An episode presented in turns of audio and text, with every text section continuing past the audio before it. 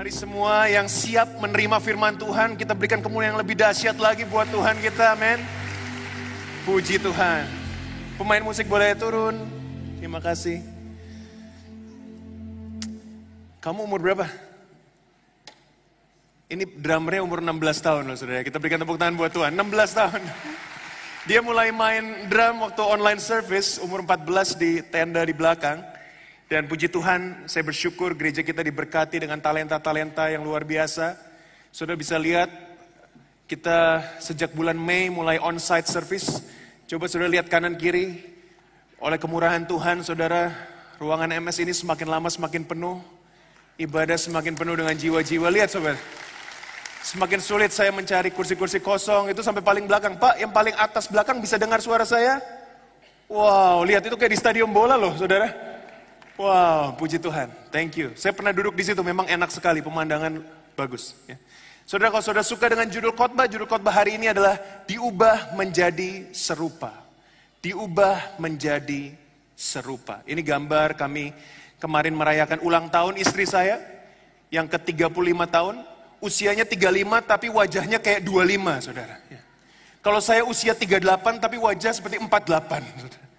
Karena pria lebih tua daripada wanita wajahnya, saudara. Nah ini kalau sudah lihat dari gambar ini, sudah bisa perhatikan anak saya yang pertama, Zayden yang kanan, itu mirip banget sama bapaknya, betul ya? Mirip banget sama saya. Tapi yang anak saya yang kedua, Zevi, itu mirip dengan istri saya. Betul ya? Itu itu benar-benar satu keajaiban. Jadi yang pertama mirip saya, yang kedua mirip dengan istri saya. Nah yang ketiga, ini masih perdebatan saudara. Menurut saudara lebih mirip saya? Saya atau istri saya yang, yang baik? Wah ini mengambil hati. Pastor Riza. Oke, iya menurut saya, waktu, anehnya begini, waktu lahir mirip istri saya, tapi belakangan lebih mirip saya gitu ya. Jadi ini benar-benar suatu yang uh, luar biasa. Jadi mukanya benar-benar mix. Nah kenapa saya tunjukkan foto ini? Karena begini, adalah satu kebanggaan buat orang tua kalau anaknya mirip dengan dia. Ya, peribahasa bahasa Indonesia berkata, buah tidak jauh dari pohonnya. Maksudnya apa? Anak itu nggak jauh lah sama bapaknya atau ibunya. Kalau papanya jago musik, biasanya anaknya jago musik. Kalau ibunya jago masak, biasanya anaknya jago masak. Ya. Kalau papanya pemain sepak bola, nggak mungkin anaknya cuma bisa main kelereng, saudara. Pasti dia juga bisa main sepak bola. Makanya itu ada satu kebanggaan kalau orang tua melihat anak, wah mirip dengan bapaknya, mirip dengan ibunya. Ayat tahunan kita di tahun ini sudah di 2 Korintus 3 berkata begini, kita semua mencerminkan kemuliaan Tuhan dengan muka yang tidak berselubung. Karena kemuliaan itu datangnya dari Tuhan yang adalah roh, maka kita diubah menjadi serupa dengan gambarnya dalam kemuliaan yang semakin besar. Demikian juga Bapak Saudara, kita itu anak Tuhan dan Tuhan mau anaknya serupa dengan Bapa. Bapa mau kita serupa dengan Yesus. Karena kalau kita serupa dengan Yesus, maka kuasa yang ada pada Tuhan itu juga kita miliki. Kalau kita serupa dengan Yesus, maka kemuliaan Tuhan akan memenuhi hidup kita. Amin. Jadi kalau saudara suka dengan judul khotbah, judulnya serupa dengan gambarnya. Nah coba saudara lihat gambar ini. Yang mencerminkan kemuliaan Tuhan.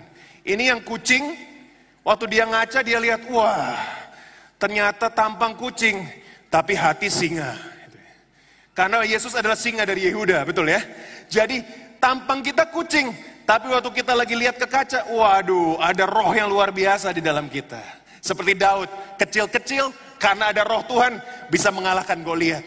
Kalau saudara walaupun kecil dan terbatas, ada roh Tuhan di dalam kita, kita bisa mengalahkan raksasa-raksasa dalam kehidupan ini. Amin saudara. Tapi jangan seperti yang kanan saudara. Badannya gede, tatoan, brewokan, tinggi besar. Ototan ke gym sehari dua kali. Tapi begitu ngaca, dalamnya kucing. Waktu pramuka kan zaman saya pramuka waktu kecil. Itu kan ada kelas-kelas siaga, pandega gitu kan. Itu ada strip-strip kan. Wah itu kalau udah pangkatnya tinggi. Sampai tiga strip. Ada yang pramuka di sini. Bapak-bapak yang pramuka angkat tangan pak. Waduh ke mana semua nih bapak-bapak hari ini? Nggak ada pak. Hafiz kamu pramuka?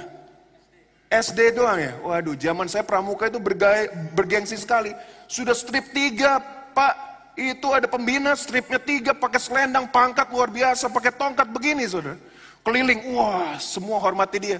Begitu ada ular, dia lari duluan, saudara. Yang perempuan aja nggak takut. Jangan kita seperti yang di kanan, sepertinya kuat, tapi ternyata dalamnya rapuh. Firman Tuhan berkata, kata mencerminkan itu katoptrizomai. Artinya begini, behold oneself in a mirror. Tuhan mau waktu kita lihat di kaca, semua keterbatasan kita, semua kelemahan kita, kita tahu satu hal. Tuhan mau membentuk kita menjadi serupa dengan gambarnya. Kenapa penting Pak untuk menjadi serupa dengan gambarnya? Saudara, menurut saya ini solusi semua masalah. Kenapa? Bayangkan, kalau keluarga sering berantem, bapak dan ibu, suami istri, bapak dengan anak yang sering berantem. Kalau bapak dan anak dua-duanya serupa Kristus, pasti semakin jarang terjadi keributan. Betul.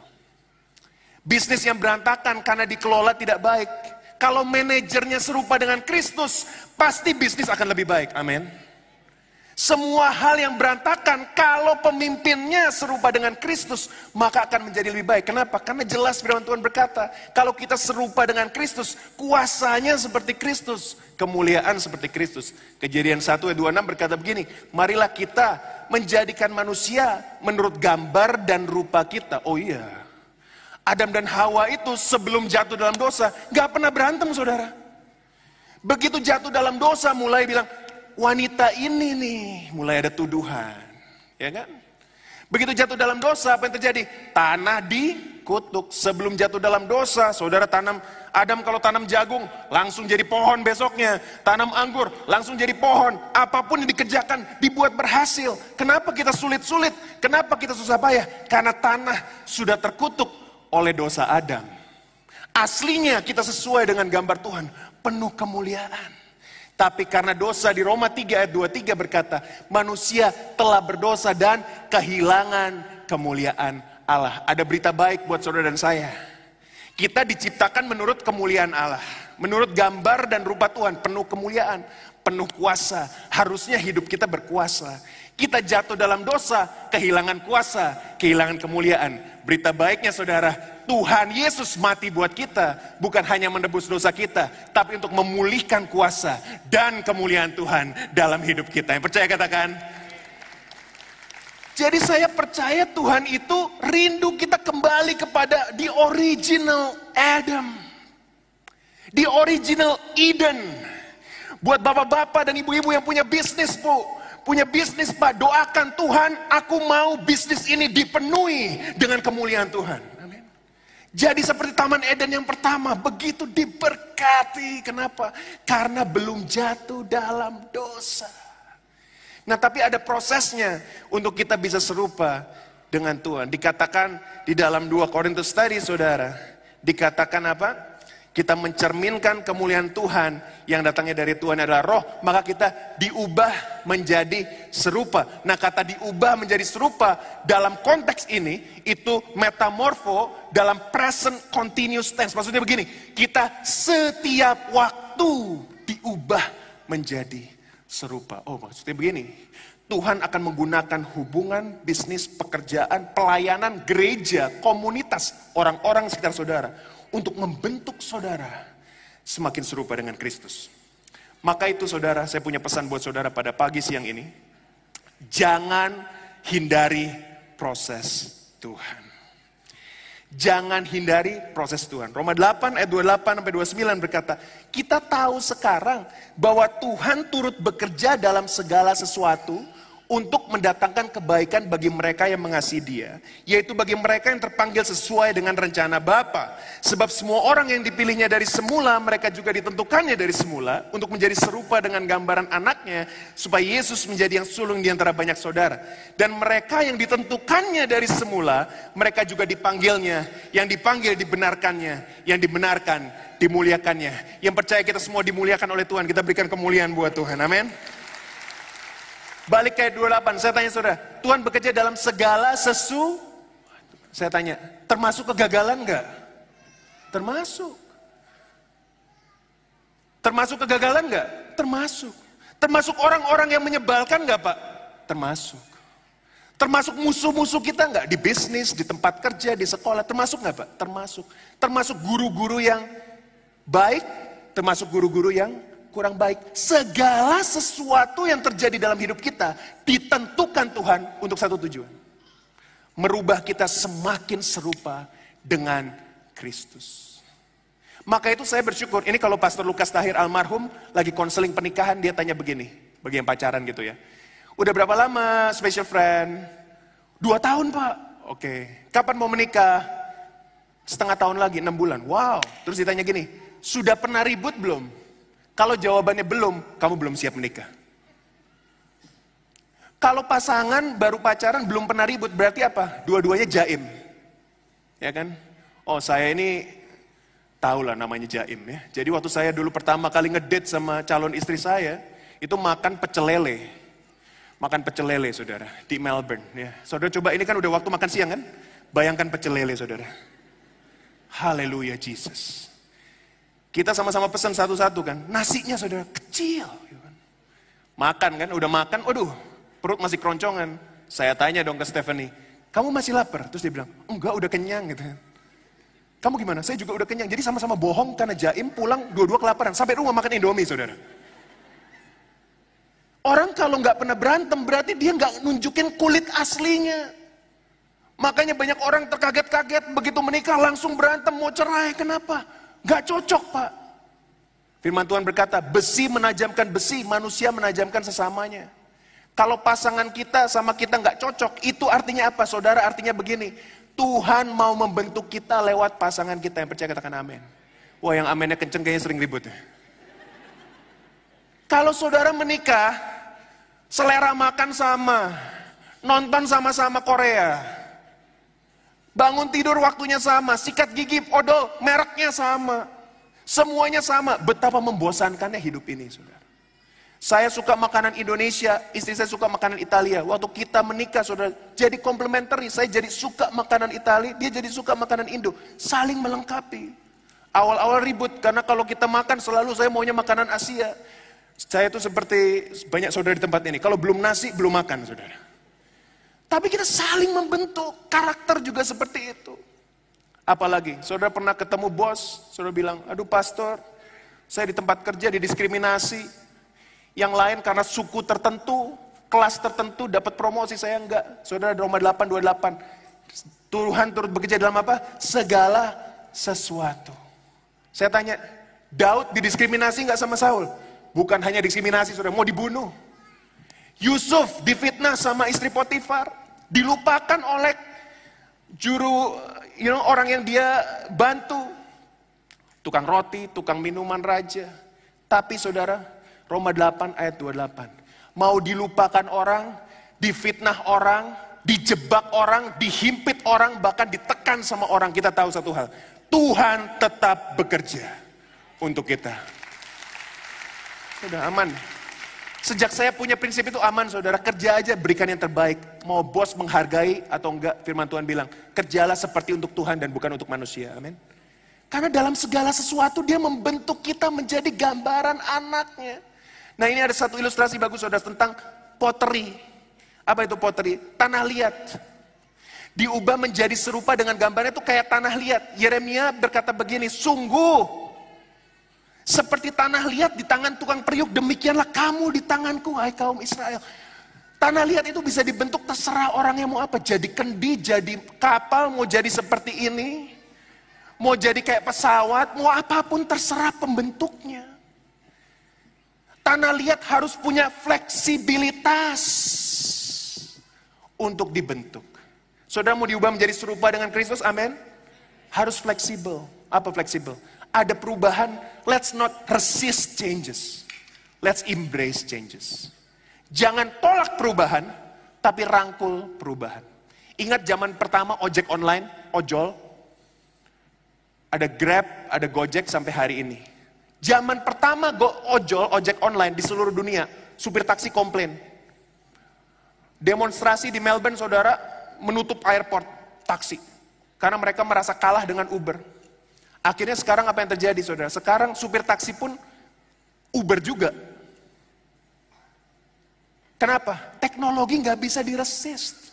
Setiap ada perubahan kita mau resist, akhirnya kita nggak berubah. Bayangkan saudara, kalau dunia ini sekarang saudara, tidak ada, coba saudara bayangkan, saya tahu, saudara punya banyak app di HP ya, tapi saya tahu app yang semua saudara di sini punya, dari muda sampai tua, namanya Gojek.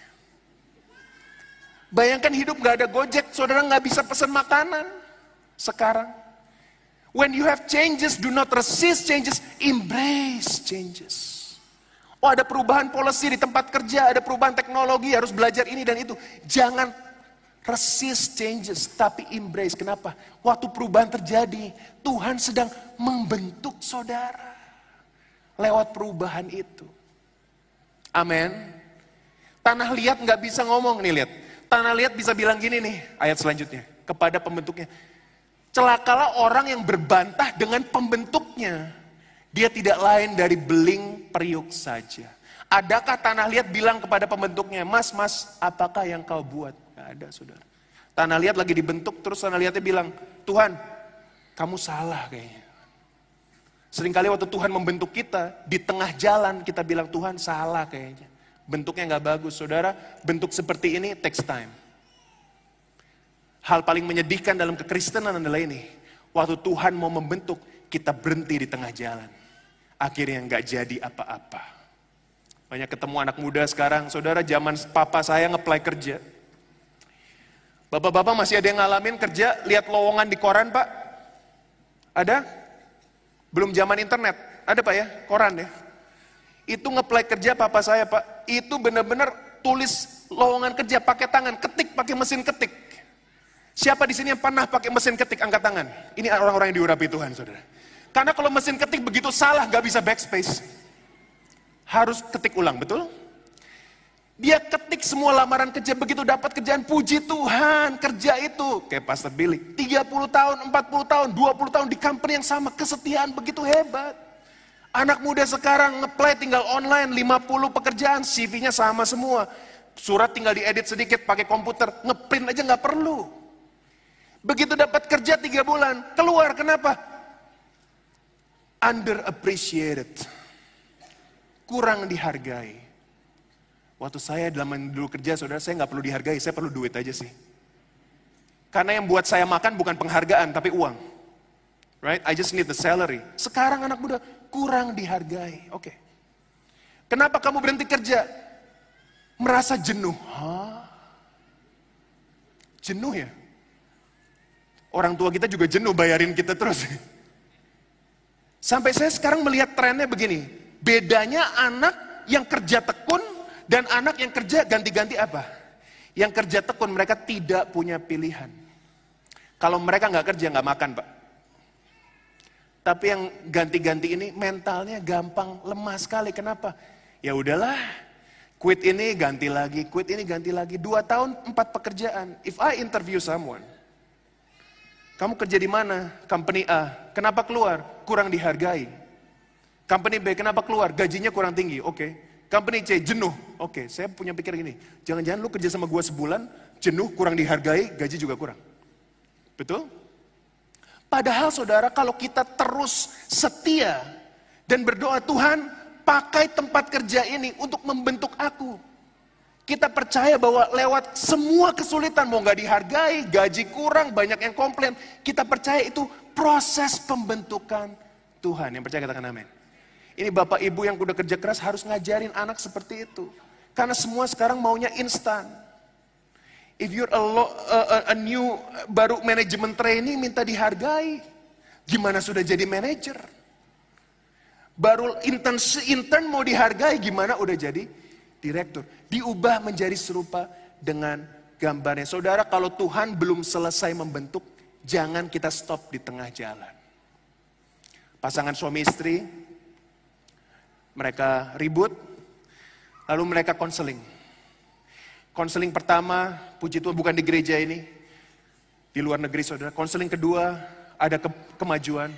Konseling ketiga, konseling keempat. Total ada tujuh konseling session. Tiba-tiba di konseling kelima dia telepon. Dan dia bilang, Pak Pendeta, saya udah gak mau konseling lagi. Saya udah selesai dengan istri saya. kami memutuskan bercerai. Pendetanya cuma bilang ke saya gini, seandainya mereka datang konseling tiga kali lagi sampai selesai, mungkin pernikahannya masih bisa diselamatkan. Jangan berhenti sampai Tuhan bilang selesai. It is not finished until Jesus says it's finished. Yang percaya kita berikan kemuliaan buat Tuhan. Amin. Saudara kalau nulis novel, apalagi yang sering baca di sini, Agatha Christie contohnya. Itu kan plotnya, waduh naik turun naik turun, hampir ketahuan ternyata bukan yang ini seperti itu ya. Bayangin kalau di tengah-tengah bukunya tiba-tiba selesai begitu aja, nggak enak. Selesai harus dengan conclusion yang terbaik, dengan keputusan yang terbaik. Makanya banyak orang Kristen tidak selesai gagal di tengah jalan. Kenapa? Tuhan mau bentuk lewat gerejanya, keluar pindah gereja lain. Tuhan mau bentuk lewat komunitasnya, nggak cocok pindah komunitas lain. Tuhan mau bentuk lewat pelayanannya, nggak cocok pindah pelayanan lain. Tidak pernah selesai dibentuk oleh Tuhan karena kita selalu quit. Tapi saya berdoa, jemaat Christ Cathedral pada pagi ini, kita bukan quitter, kita orang yang terus maju bersama Tuhan sampai Tuhan selesai membentuk kita serupa dengan Kristus. Amin. Makanya saudara kita penuh namanya ketahanan. Lagi dibentuk panas saudara. Tanah liat tuh kalau lagi dibentuk panas sekali. Tapi tahan banting. Karena kita tahu semua indah pada waktunya. Apa yang terjadi saudara? Yang pertama tadi mencerminkan kemuliaan Allah. Yang kedua dibentuk menjadi serupa. Apa yang terjadi kalau kita dibentuk menjadi serupa? Maka akan ada kemuliaan yang semakin besar. 2 Korintus 4 ayat 15 berkata, sebab semuanya terjadi oleh karena kamu, supaya kasih karunia yang semakin besar berhubung dengan semakin banyaknya orang yang menjadi percaya. Menyebabkan semakin melimpahnya ucapan syukur bagi kemuliaan Allah. Simple saudara. Saudara serupa dengan Kristus, hidupmu penuh kuasa. Hidupmu penuh kuasa, orang-orang di sekitarmu akan semakin mengenal Allah. Ada satu pendeta saudara, dia pelayanan di Papua, di beberapa pulau-pulau. Ini luar biasa ceritanya.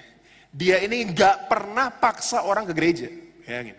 Dia bahkan nggak pernah paksa orang dibaptis, nggak pernah. Dia cuma pelayanan education aja. Itu karena dia penuh kuasa, karena hidupnya penuh kemuliaan. Orang supirnya, pembantunya, saudara orang sekitar itu datang ke dia, Pak, saya mau dibaptis. Kenapa? Dia lihat ada Yesus di dalam Bapak ini. Saudara saya mau tanya saudara di tempat ini, kalau Yesus hidup di tahun 2023, dan saat ini kira-kira kalau Yesus khotbah di kantor bapak dan ibu, ada pertobatan nggak di kantor? Ada. Kalau Yesus berkhotbah di keluarga kita, ada pertobatan nggak di keluarga? Pasti ada. Kalau Yesus masuk ke dalam sekolah-sekolah kampus, ada pertobatan nggak di sekolah dan kampus? Pasti ada. Tapi begini, Tuhan udah bilang dari 2000 tahun yang lalu, aku memberikanmu kuasa untuk menjadi saksi. Kalau kita serupa Kristus, maka kuasa yang sama pada Kristus ada pada kita. Berarti apa? Di mana pun kita ditempatkan harusnya saudara kuasa dalam Kristus, kuasa Kristus yang ada dalam kita menjadikan kita berdampak buat orang-orang sekitar kita. Sehingga semakin banyak orang mengenal Tuhan. Saudara saya punya solusi simpel sekali sebetulnya saudara.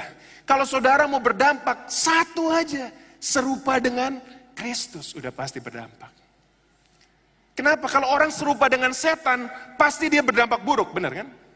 Gayanya seperti setan, ucapannya seperti setan. Di mana pun dia berada, orang gak suka. Kalau kita serupa Kristus, ucapan seperti Kristus, santun seperti Kristus, kerja keras seperti Kristus. Oh iya.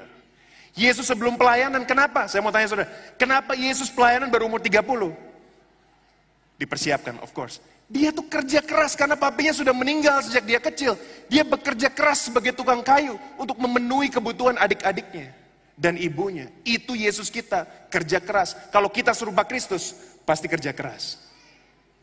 Kalau mahasiswa serupa Kristus, pasti sekolah juga luar biasa. Satu kunci, Bapak Ibu semua, mau keluarga damai, bisnis sukses, jadilah serupa dengan Kristus. Tapi ini masalahnya, slide saya yang terakhir saudara. Ya, bayangkan ini, Batra saudara, bicara keselamatan, bicara gereja. Saya bersyukur saudara, dalam Baru kita ini ibadah berapa lama nih? 9 bulan ya, dari bulan Mei kan? Ini baru 9 bulan, puji Tuhan 700 first time visitors. Lebih dari 400 orang dibaptis, saya bersyukur. Tapi saudara, ini bahtera besar. Dan pintu karunia masih terbuka. Bicara apa? Saudara, ini kesempatan terbaik untuk kita menjangkau jiwa. I want to tell you something. Kalau saudara bawa orang ke gereja, yang belum kenal Tuhan. Dan kasih karunia Tuhan sedang terjadi, saudara. Dan saya percaya ini tahun penuaian, amin. Sekali lagi saya katakan, di tahun penuaian ini, tahun kemuliaan ini, kalau saudara bawa teman atau keluargamu yang belum kenal Tuhan, duduk di gereja, dengar firman Tuhan, saya percaya begini saudara. Kalau Tuhan akan ketuk hatinya, ada high possibility, kemungkinan besar orang itu bisa kenal Tuhan. Kenapa? Orang saya altar call tiap minggu saudara. Itu at least 50 orang angkat tangan terima Yesus setiap minggu. 50 kali 50 berapa? 2000 orang. Tapi saudara perlu kerjasama dengan Tuhan. Apa? Bawalah jiwa-jiwa untuk beribadah. Karena bahtera ini bukan untuk saudara sendiri, tapi bahtera ini untuk saudara dan seisi rumah saudara. Amin. Bahtera ini untuk saudara dan seisi kantor saudara. Amin. Keselamatan terjadi bukan hanya untuk kita, karena firman Tuhan bilang apa? Percayalah maka kamu dan seisi rumahmu akan diselamatkan. Saya lebih dari itu saudara, saya percaya. Percayalah kepada Tuhan, kamu dan seisi kantormu akan diselamatkan. Amin. Percayalah kepada Tuhan, kamu dan seisi kotamu akan diselamatkan. Satu aja saudara, bawa jiwa kepada Kristus. Tadi firman Tuhan tadi ayat sebelumnya katakan apa? Semakin banyak orang menjadi percaya. Saudara bisa nggak kita katakan hal ini bersama-sama karena 2000 orang lebih sini, online 1000 orang lebih. Kita mau dalam hitungan ketiga kita bilang kata ini bersama-sama menjadi visi kita di tahun ini, tahun kemuliaan Tuhan. Amin. Kata-katanya simpel. Semakin banyaknya orang yang menjadi percaya, itu aja yang digaris bawahi. Siap? Dengan iman ya. Satu sampai tiga ya. Satu, dua, tiga. Semakin banyaknya orang yang menjadi percaya sekali lagi. Semakin banyaknya orang yang menjadi percaya, semakin banyaknya orang yang menjadi dalam nama Yesus. Bahtera keselamatan di gereja ini bukan hanya untuk kita, tapi untuk kota ini. Kita berdoa saudara, semakin banyaknya orang menjadi percaya. Amin. Nama Tuhan dimuliakan. Apa tantangan terbesar kita untuk dibentuk? Ini tantangannya. Slide saya yang terakhir berkata begini. Ini janji Tuhan buat saudara pastor saya udah gak bisa dibentuk kayaknya. Karena saya sudah cerai. Pastor saya sudah gak bisa dibentuk kayaknya karena saya udah udah drop out dari college, udah udah nggak ada harapan. Pastor saya udah gak bisa dibentuk kayaknya karena saya sudah dipecat, udah gak ada kerjaan. Saya udah gak, bisa dibentuk lagi karena bisnis saya udah berantakan, Pastor. I want to tell you something. Yesaya berkata begini. Buat saudara yang sudah merasa rusak, haleluya. Yeremia berkata begini. Apabila bejana, yang sedang dibuatnya dari tanah liat di tangannya itu rusak. Maka tukang periuk yaitu Bapak sendiri mengerjakannya kembali menjadi bejana lain menurut apa yang baik pada pemandangannya. Separah apa pun hidupmu, serusak apa pun hidupmu, akan saya percaya saudara, di tangan Tuhan yang paling rusak sekalipun menjadi mulia untuk kemuliaan nama Tuhan. Amin saudara. Mari bangkit diri bersama-sama katakan. Ku mau sepertimu Yesus di apa? Di sempurnakan selalu. Dalam segenap jalanku come on. Memuliakan namamu. Ku mau sepertimu Yesus haleluya. Katakan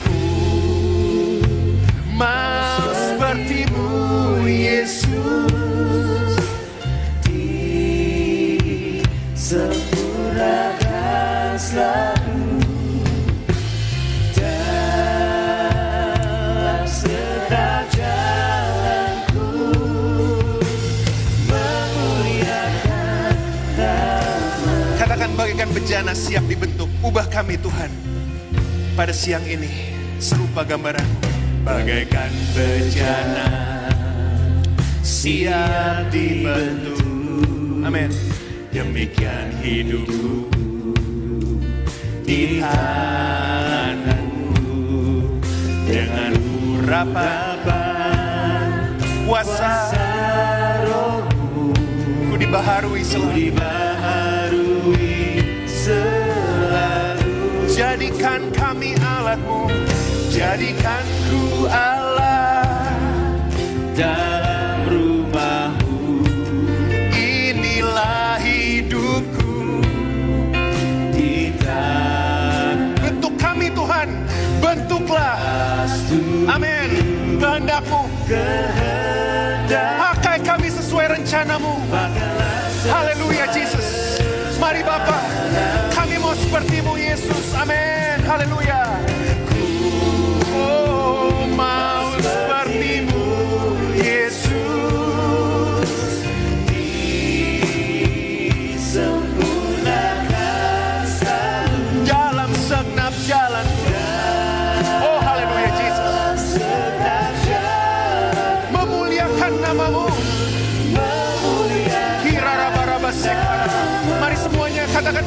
Sepertimu Yesus. Haleluya Tuhan. Oh, Yesus. Sempurnakan kami Bapa.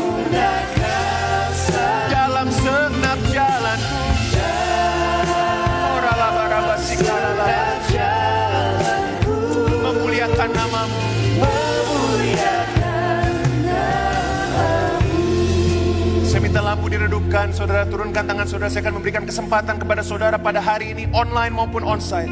Adakah saudara yang belum pernah menerima Yesus sebagai Tuhan dan Juru Selamat dalam hidupmu? Mungkin kau dari background yang lain, mungkin kau Kristen KTP atau apa pun kepercayaanmu, percaya Yesus ada bagimu. Dia sedang membentukmu dan kau nggak bisa membentuk hidupmu sendiri. Engkau perlu tangan penjunan yang kuat untuk membentuk hatimu. Kalau kau mau menerima Yesus, tidak perlu maju ke depan. Di rumah ataupun onsite, cukup angkat tangan dalam hitungan ketiga. Dan saya akan berdoa buat saudara. Saudara nggak datang ke tempat ini atau watch online karena kebetulan. Karena dalam kerajaan Allah tidak ada kebetulan. Yang ada hanya kebenaran. Dan ini kebenaran. Yesus mati bagimu. Dia mengasihimu. Dan dia siap masuk dalam hatimu.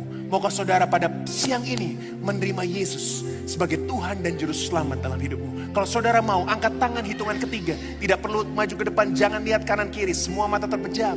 Hanya antara saudara dengan Tuhan. Dan saya yang melihat. Dan saya akan berdoa buat saudara. Pastikan keselamatan saudara. Jangan tinggalkan tempat ini sebelum Yesus ada dalam hatimu. Siap saudara, saya hitung sampai tiga. Angkat tangan di tempat satu, Tuhan Yesus mengasihimu. Dua, dia mati bagimu supaya engkau tidak binasa, melainkan beroleh hidup yang kekal. Maukah engkau menerima Yesus sebagai Tuhan dan Juru Selamat dalam hidupmu? Kalau engkau mau, angkat tangan saat ini juga dalam hitungan ketiga. Satu, dua, tiga. Thank you, God bless. Thank you, nggak perlu maju. Thank you so much. Lebih tinggi, terima kasih. Tuhan berkati, God bless. Saya melihat saudara di tengah, terima kasih. God bless you. Di atas, thank you. Thank you, God bless you. Online, saya tunggu beberapa detik lagi. Terima kasih Tuhan terus menjamah hati. Jemaat Tuhan, ada lagi? Ada lagi? Ada lagi, God bless. Thank you Jesus. Thank you Jesus. Kita akan berdoa bersama-sama yang sudah angkat tangan berdoa. Ucapkan doa ini bersama dengan saya Kak Bobi bantu saya berdoa Tuhan Yesus. Tuhan Yesus, Hari ini hari ini aku menerima Engkau aku menerima Engkau sebagai Tuhan sebagai Tuhan dan juru selamat Juru Selamat dalam hidupku. dalam hidupku. Jadilah raja Jadilah raja atas hidupku. atas hidupku. Hidupku tidak sama lagi Hidupku tidak sama lagi. karena Tuhan Yesus ada Tuhan dalamku. Yesus ada dalamku. Selamanya kau Tuhan, Selamanya kau Tuhan. selamanya kau raja. Selamanya kau raja. Di dalam nama Yesus. Dalam nama Yesus. Aku berdoa. Turunkan tangan saudara kita berikan kemuliaan buat Tuhan. Bagi saudara yang baru menerima Yesus, gereja menyediakan The Journey untuk membantu saudara bertumbuh dalam pengenalan Tuhan. See our information counter, download the resources, register online. Saya mau berdoa buat saudara pada siang ini, saudara. Tuhan membentuk saya lewat anak saya yang kedua, special needs. Saya sering berdoa buat dia, Tuhan kenapa nggak sembuh-sembuh? Tapi saya tahu Tuhan punya rencana. Kalau saudara mungkin berdoa saat ini, kenapa bisnismu nggak jalan-jalan? Kenapa keluargamu nggak pulih-pulih? Kenapa anak nggak sembuh-sembuh? Kenapa penyakit sepertinya Tuhan biarkan? Tahu satu hal, Tuhan sedang memproses kita. Semakin lama prosesnya, maka semakin indah bejananya. Mari kita mau terima proses Tuhan. Bukan hanya berkat Tuhan, tapi siang ini terima proses Tuhan. Bapa, mari proses bentuk kami Bapa. Menjadi serupa dengan Kristus. Kadang kami nggak ngerti. Kadang kami nggak tahu. Dan kalau ada di antara kami yang rusak saat ini, kami minta kuasa Tuhan. Pulihkan kami. Jamah kami. Saudara saya merasakan hadirat Tuhan. Kita ada waktu 5-10 menit. Mari sembah dia saudara. Sembah dia. We worship you Jesus. Terima kasih Tuhan. Saudara saya, saya melihat Tuhan sedang mengambil beberapa periuk-periuk yang pecah di lantai, saudara. lalu dia kembalikan ke mesin penjunan. Dan saya tanya Tuhan, Tuhan apa yang sedang kau lakukan? Dia katakan, aku sedang membentuk umatku kembali. Saudara yang jauh dari Tuhan, kau kembali dekat pada Tuhan. Keluarga yang hancur kembali dipulihkan. Bisnis yang sudah tidak harapan, ada harapan. Menjadi ada harapan karena Tuhan membuat jalan bagimu. Terima kuasa Tuhan siang ini. Jangan pulang menjadi bejana yang kosong. Pulang menjadi bejana yang penuh dengan kuasa Tuhan. Terima kuasa Tuhan siang ini. Buka hatimu sembah dia sikara labaraba. Online terus sembah Tuhan, onsite terus sembah Tuhan. Papa para lama sikora laba baba baba baba lama se. Kira lama lama lama sikara labara. Oh haleluya Jesus. Amin amin amin. Ada kemuliaan Tuhan di balik setiap salib kami. Engkau membentuk bejana ini Tuhan menjadi bejana yang mulia. Luar biasa. Haleluya Jesus. Sikara.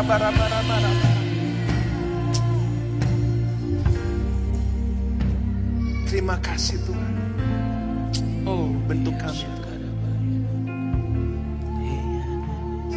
Terima kasih Pak. Jesus. Urapi setiap kami Tuhan. Penuhi bejana ini. Jangan cuma bentuk kami Tuhan, tapi penuhi kami. Dengan kuasamu, dengan urapan. Supaya kami menjadi berkat. Supaya kami menjadi dampak. Mari angkat tanganmu dan terimalah berkat Tuhan. Kiranya berkat rahmat dari Allah Bapa, kasih karunia putra, tunggal Allah Tuhan Yesus Kristus. Dan persekutuan daripada rohnya yang kudus menyertai kehidupanmu. Mulai hari ini, sampai Yesus datang yang kedua kalinya. Dalam setiap cobaan, setiap ujian, setiap tantangan kau tahu, Tuhan sedang membentuk hidupmu untuk menjadi serupa dengan gambaran Yesus. Sehingga engkau dimuliakan, dibenarkan, diberi kemenangan oleh Tuhan. Kami terima berkatmu Tuhan. Di dalam nama Tuhan Yesus Kristus. Yang percaya kita diubah menjadi serupa dengan gambarnya. Sama-sama katakan, amin. God bless you. Sampai ketemu minggu depan. Jangan lupa buat saudara pelayan Tuhan, ada Dream Team Gathering di ruangan ini jam 1 siang. Tuhan berkati, sampai ketemu minggu depan. God bless you.